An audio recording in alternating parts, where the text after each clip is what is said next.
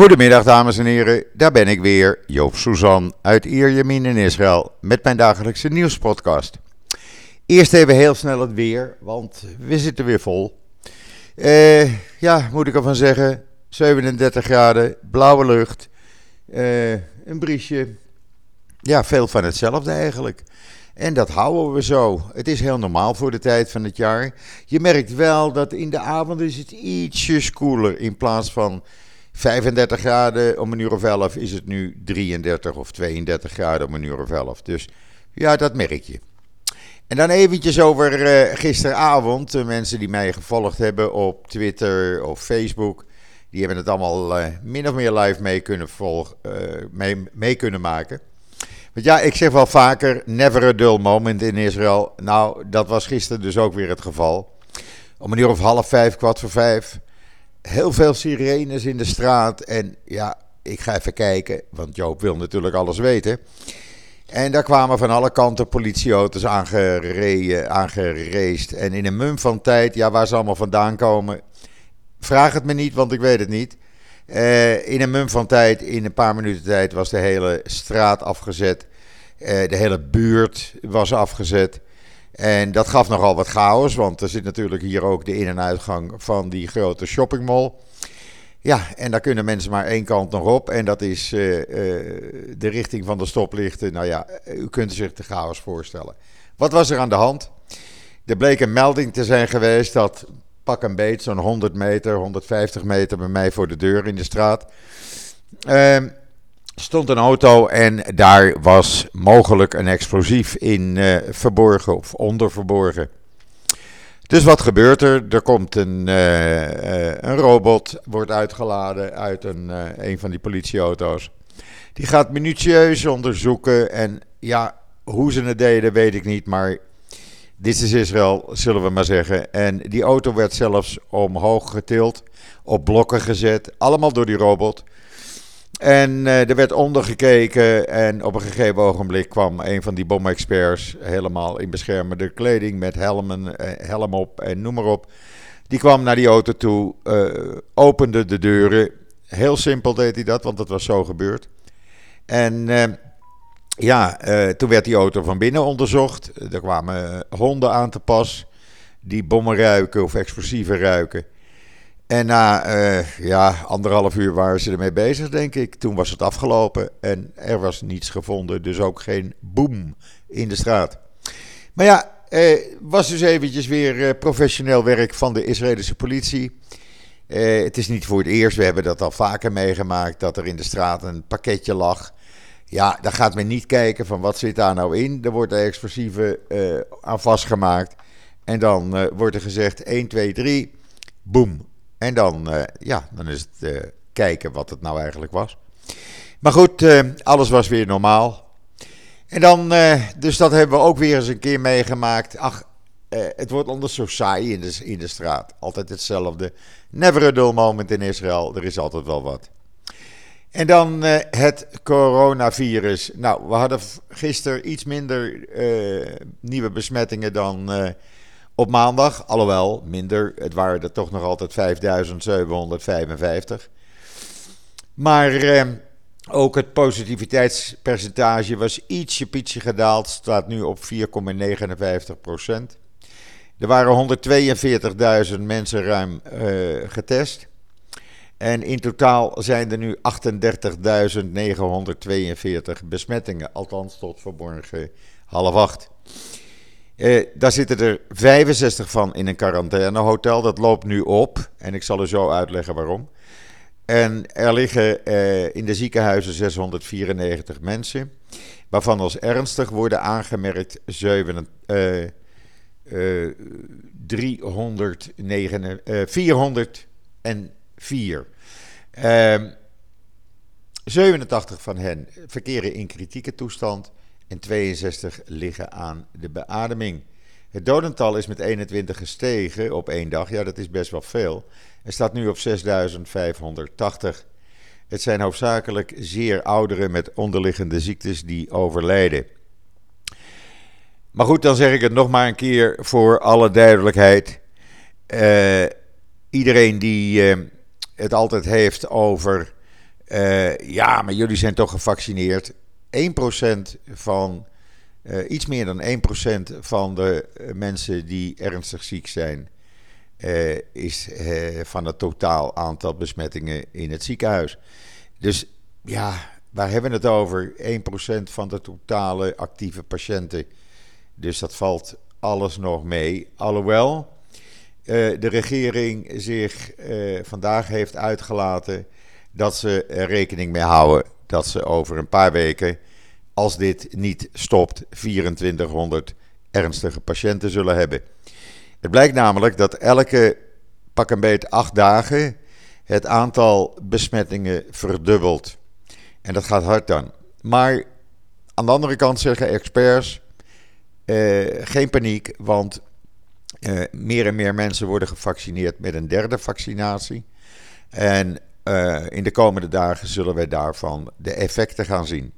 Het hangt nog steeds om het vaccineren. Er waren gisteren ook weer twee vooraanstaande experts die gezegd hebben: ga niet aan een lockdown. Het gaat om vaccineren, vaccineren, vaccineren. Dat is het enige wat werkt. En zoals ik gisteren ook uh, uitlegde, ja, er zijn nog, uh, vooral in de Arabische sector, maar ook onder jonge Israëli's, uh, in totaal circa 1 miljoen mensen die nog gevaccineerd moeten worden. 400.000 van hen in de Arabische sector. Ja, en dan zijn er ook vandaag nieuwe restricties ingegaan. Uh, om met Nederland te beginnen. Iedereen die uh, uit een oranje landen komt, en daar valt Nederland dan ook onder, die moet zeven dagen in quarantaine vanaf vandaag. er zijn nog maar een paar landen waar, ja, eigenlijk drie, vier landen waarvan je niet in quarantaine hoeft. Het aantal rode landen is uitgebreid. Daar zitten nu ook Bulgarije, Brazilië, Georgië, Mexico, Spanje en Turkije vallen daaronder. Dat is een groot probleem, want er zitten nog een heleboel Israëli's, vooral Israëlische Arabieren, op vakantie in Turkije. Als die terugkomen, allemaal verplicht zeven dagen in quarantaine. Daarnaast is het groene paspoort, het gebruik van het groene paspoort vanaf vandaag uitgebreid.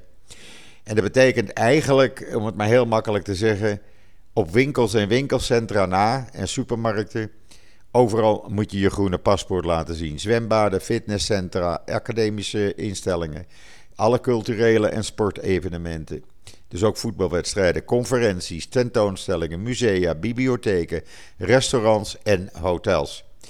Uh, je moet kunnen aantonen dat je twee keer gevaccineerd bent. Nou, dat staat in je, in je app van het groene paspoort. Met de datum erbij. De data eigenlijk, moet ik zeggen. Uh, ben je niet, uh, heb je geen groen paspoort, dan moet je kunnen aantonen dat je 72 uur daarvoor negatief bent getest of bent hersteld van het virus. Ook is nu het testen voor eigen rekening. Daarnaast wordt er vandaag besloten om het groene paspoort ook uit te breiden voor iedereen vanaf de leeftijd vanaf drie jaar. Dat betekent dan dat kinderen die getest moeten worden. Wel is het zo dat uh, kinderen vanaf 3 tot 12 jaar. Die worden dan uh, getest en de rekening gaat naar de staat. Ja, en de rest, boven de 12 jaar, allemaal voor eigen rekening. Dus als je naar het zwembad wil, moet je zelf betalen. Wil je naar een museum, moet je zelf je test betalen. Men doet dat om uh, ja, gewoon mensen toch uh, duidelijk te maken: laat je nu vaccineren. Verder is er een limiet gaan gelden voor het aantal personen aanwezig bij een privé-evenement. Of dat nou, dat binnen is, dan maximaal 50 personen. En is dat buiten, maximaal 100 personen. Nou, dat is een teleurstelling voor vele mensen die plannen hadden om te gaan trouwen in de komende dagen. En weken tot uh, eh, 5 september. Dat gaat dus even niet door. De meesten zullen en hebben al hun bruiloft moeten uitstellen. En dan wordt het aantal snelteststations dat wordt uh, uitgebreid van 120 op dit moment mogelijk verdubbeld. Ja, en wat er dan verder gaat gebeuren, eh, dat is in het ongewisse. Dat weten we. Misschien vanavond komen er weer nieuwe maatregelen. Eh, het verandert hier elke tijd, elke keer. Waar het op hangt is gewoon, nogmaals, het vaccineren. Alle experts blijven erop hameren. Je wordt dan wel ziek, maar dan krijg je lichte klachten en na een paar dagen quarantaine eh, ben je weer eh, ja, genezen, zeg maar. Ehm, trouwens, er is een uh, Israëlisch onderzoek geweest die zegt... hou nou op met dat uitstrijkjes uit neus of keelholte. dat is ongemakkelijk. Mensen vinden dat ook niet prettig, vooral kinderen niet. het kan ook veel simpeler... En namelijk door een, uh, een speekseltest, een mondwatertest. Heel eenvoudig, niet invasief. Uh, het is goedkoop en het kan gemakkelijk bij, door de patiënt uh, worden uitgevoerd. Dat is een ontwikkeling van het Sheba Medisch Centrum. En u kunt het hele verhaal lezen natuurlijk op israelnieuws.nl. Het zou voor veel mensen echt de oplossing zijn. En ja, ik denk ook dat dat veel gaat worden gebruikt in de komende tijd. En dan eh, via de Israëlische ambassade in Den Haag kregen wij het verzoek online te plaatsen. Een exclusief interview wat zij hebben gehad met Edo Verdoner, de Nederlandse Nationaal Coördinator voor Antisemitismebestrijding.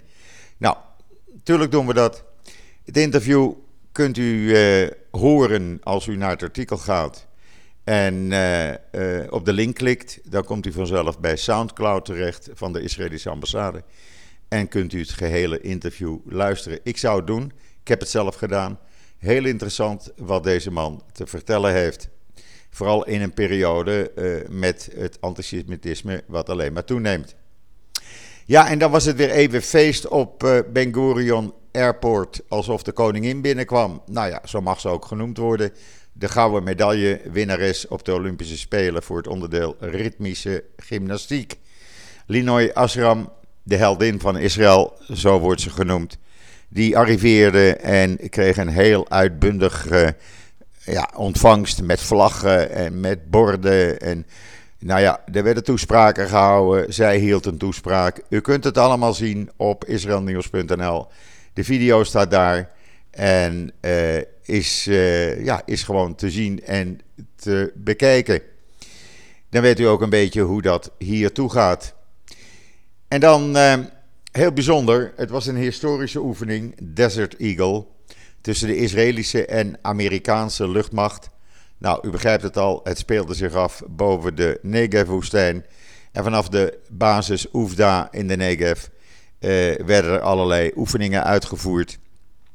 Waarbij op een gegeven ogenblik eh, de bad guys werden gespeeld door Israëlische F-15 straaljagers. En uh, ja, dat is zeer succesvol geweest. Prachtige foto's die u op uh, Israël Nieuws kunt gaan bekijken. En dan, ja, er was natuurlijk, of er zijn natuurlijk zomerkampen, zo ook bij de Palestijnse autoriteit. En ja, Fatah organiseert dat. U weet wel, Fatah is de club waar meneer Abbas, die toevallig ook president van de Palestijnen is, eh, de voorzitter van is. En Fatah had een, eh, een zomerkamp eh, georganiseerd. Nou, dat werd natuurlijk heel leuk, want wat leerden de kinderen daar? De kinderen leerden hoe je terrorist kan worden, hoe je martelaar kan martelaren moet prijzen en hoe je Israël van de kaart moet vegen. Want iets anders valt er namelijk niet te leren. Uh, er waren foto's bijvoorbeeld van uh, meneer Abu Jihad, aardsterrorist. Die, uh, ja, dat was de planner van aanslagen waarbij 125 Israëlische Joden werden vermoord in totaal. dan waren er foto's en uitleg over massamoordenaar Dalal Mughrabi. Die gaf in 78, 1978 leiding aan de moord op 37 Israëli's, waaronder 12 kinderen. En dan uh, natuurlijk werd uh, uitvoerig eer betoond aan Abu uh, Liad, die de terreurorganisatie Black September leidde, Onder meer bekend van de moord op de elf Israëlische atleten tijdens de Olympische Spelen in München in 1972. En ja, die kinderen, ja, iets anders werd ze niet geleerd. Geen spelletjes, geen kleur, kleuren, geen hardloopwedstrijden, geen uh, ontdekkingsreizen of wat dan ook. Nee, alleen maar we moeten Israël van de kaart uh, vegen. En Joden, zoveel mogelijk Joden, moeten jullie vermoorden. Want dan word je martelaar en dan kom je in het paradijs. Nou, en wat je daar allemaal te wachten staat. Nou ja, ik kan er uh, nog een half uur over praten, maar ik zou zeggen, lees het artikel op israelnieuws.nl. En uh, dan weet u tenminste hoe onder andere met Nederlands subsidiegeld zomerkampen in de Palestijnse gebieden worden georganiseerd. Want daar hebben we het natuurlijk over. Ja, en dan nog eventjes over uh, corona. Inmiddels bent u dat wel gewend. Ik, waar ik mee begin, eindig ik vaak ook mee. Ik, uh, ja, ik moet zeggen dat ik, ik ja, een beetje verbaasd ben, een beetje geschrokken ben over hoeveel specialisten er in Nederland wonen. Die alles weten van corona. Dat moeten er inmiddels een paar miljoen zijn. Want uit de reacties die ik krijg op wat er zich hier in Israël afspeelt rondom uh, het Delta-variant van het uh, COVID-19-virus. Nou, dan begrijp ik eigenlijk dat ze hier in Israël niets weten. En in Nederland, daar wonen de specialisten. Want wij moeten dit en wij moeten dat. En jullie doen dit en jullie doen dat. En dat gaat de hele dag maar door. Zowel op Twitter als op Facebook. En ik heb het ook al een paar keer op Instagram gehad. Het is niet te geloven. Je zou haast zeggen, niks meer plaatsen. Maar ja, dan weet ik dat ik eh, zoveel duizenden anderen tekort doe. Dus ik blijf, gewoon, eh, ik blijf gewoon plaatsen en doe net of mijn neus bloedt. Die bloedt morgen trouwens niet hoor, want morgen als alles uh, goed gaat, hebben we weer de keukentafel die we weer neerzetten. De virtuele keukentafel, waaraan Esther Voet van het NIW en ondergetekende gaan zitten. En dan gaan we weer eens lekker onder het genot van een uh, kopje koffie even met u de week doorpraten. En wat er allemaal gebeurd is en nog staat te gebeuren. Zowel in Israël als in Nederland. En eh, we zijn bezig om te kijken om dat te gaan uitbreiden. Eh, mogelijk dat, eh, dat we naar een wekelijkse eh, podcast gaan, Esther en ik. Maar het hangt even van allerlei eh, ja, tijdsbestanddelen uit. Hangt het af. Esther is natuurlijk druk met het NIW. Maar we zullen zien, we doen ons best. Omdat we weten dat die virtuele keukentafel enorm in de smaak valt. Dus morgenmiddag rond deze tijd hopen we die online te hebben. Rest mij u nog een hele fijne voortzetting van deze woensdag, de 11 augustus, uh, toe te wensen. Uh, wat mij betreft, ik ben er morgen weer en zeg zoals altijd: tot ziens, tot morgen.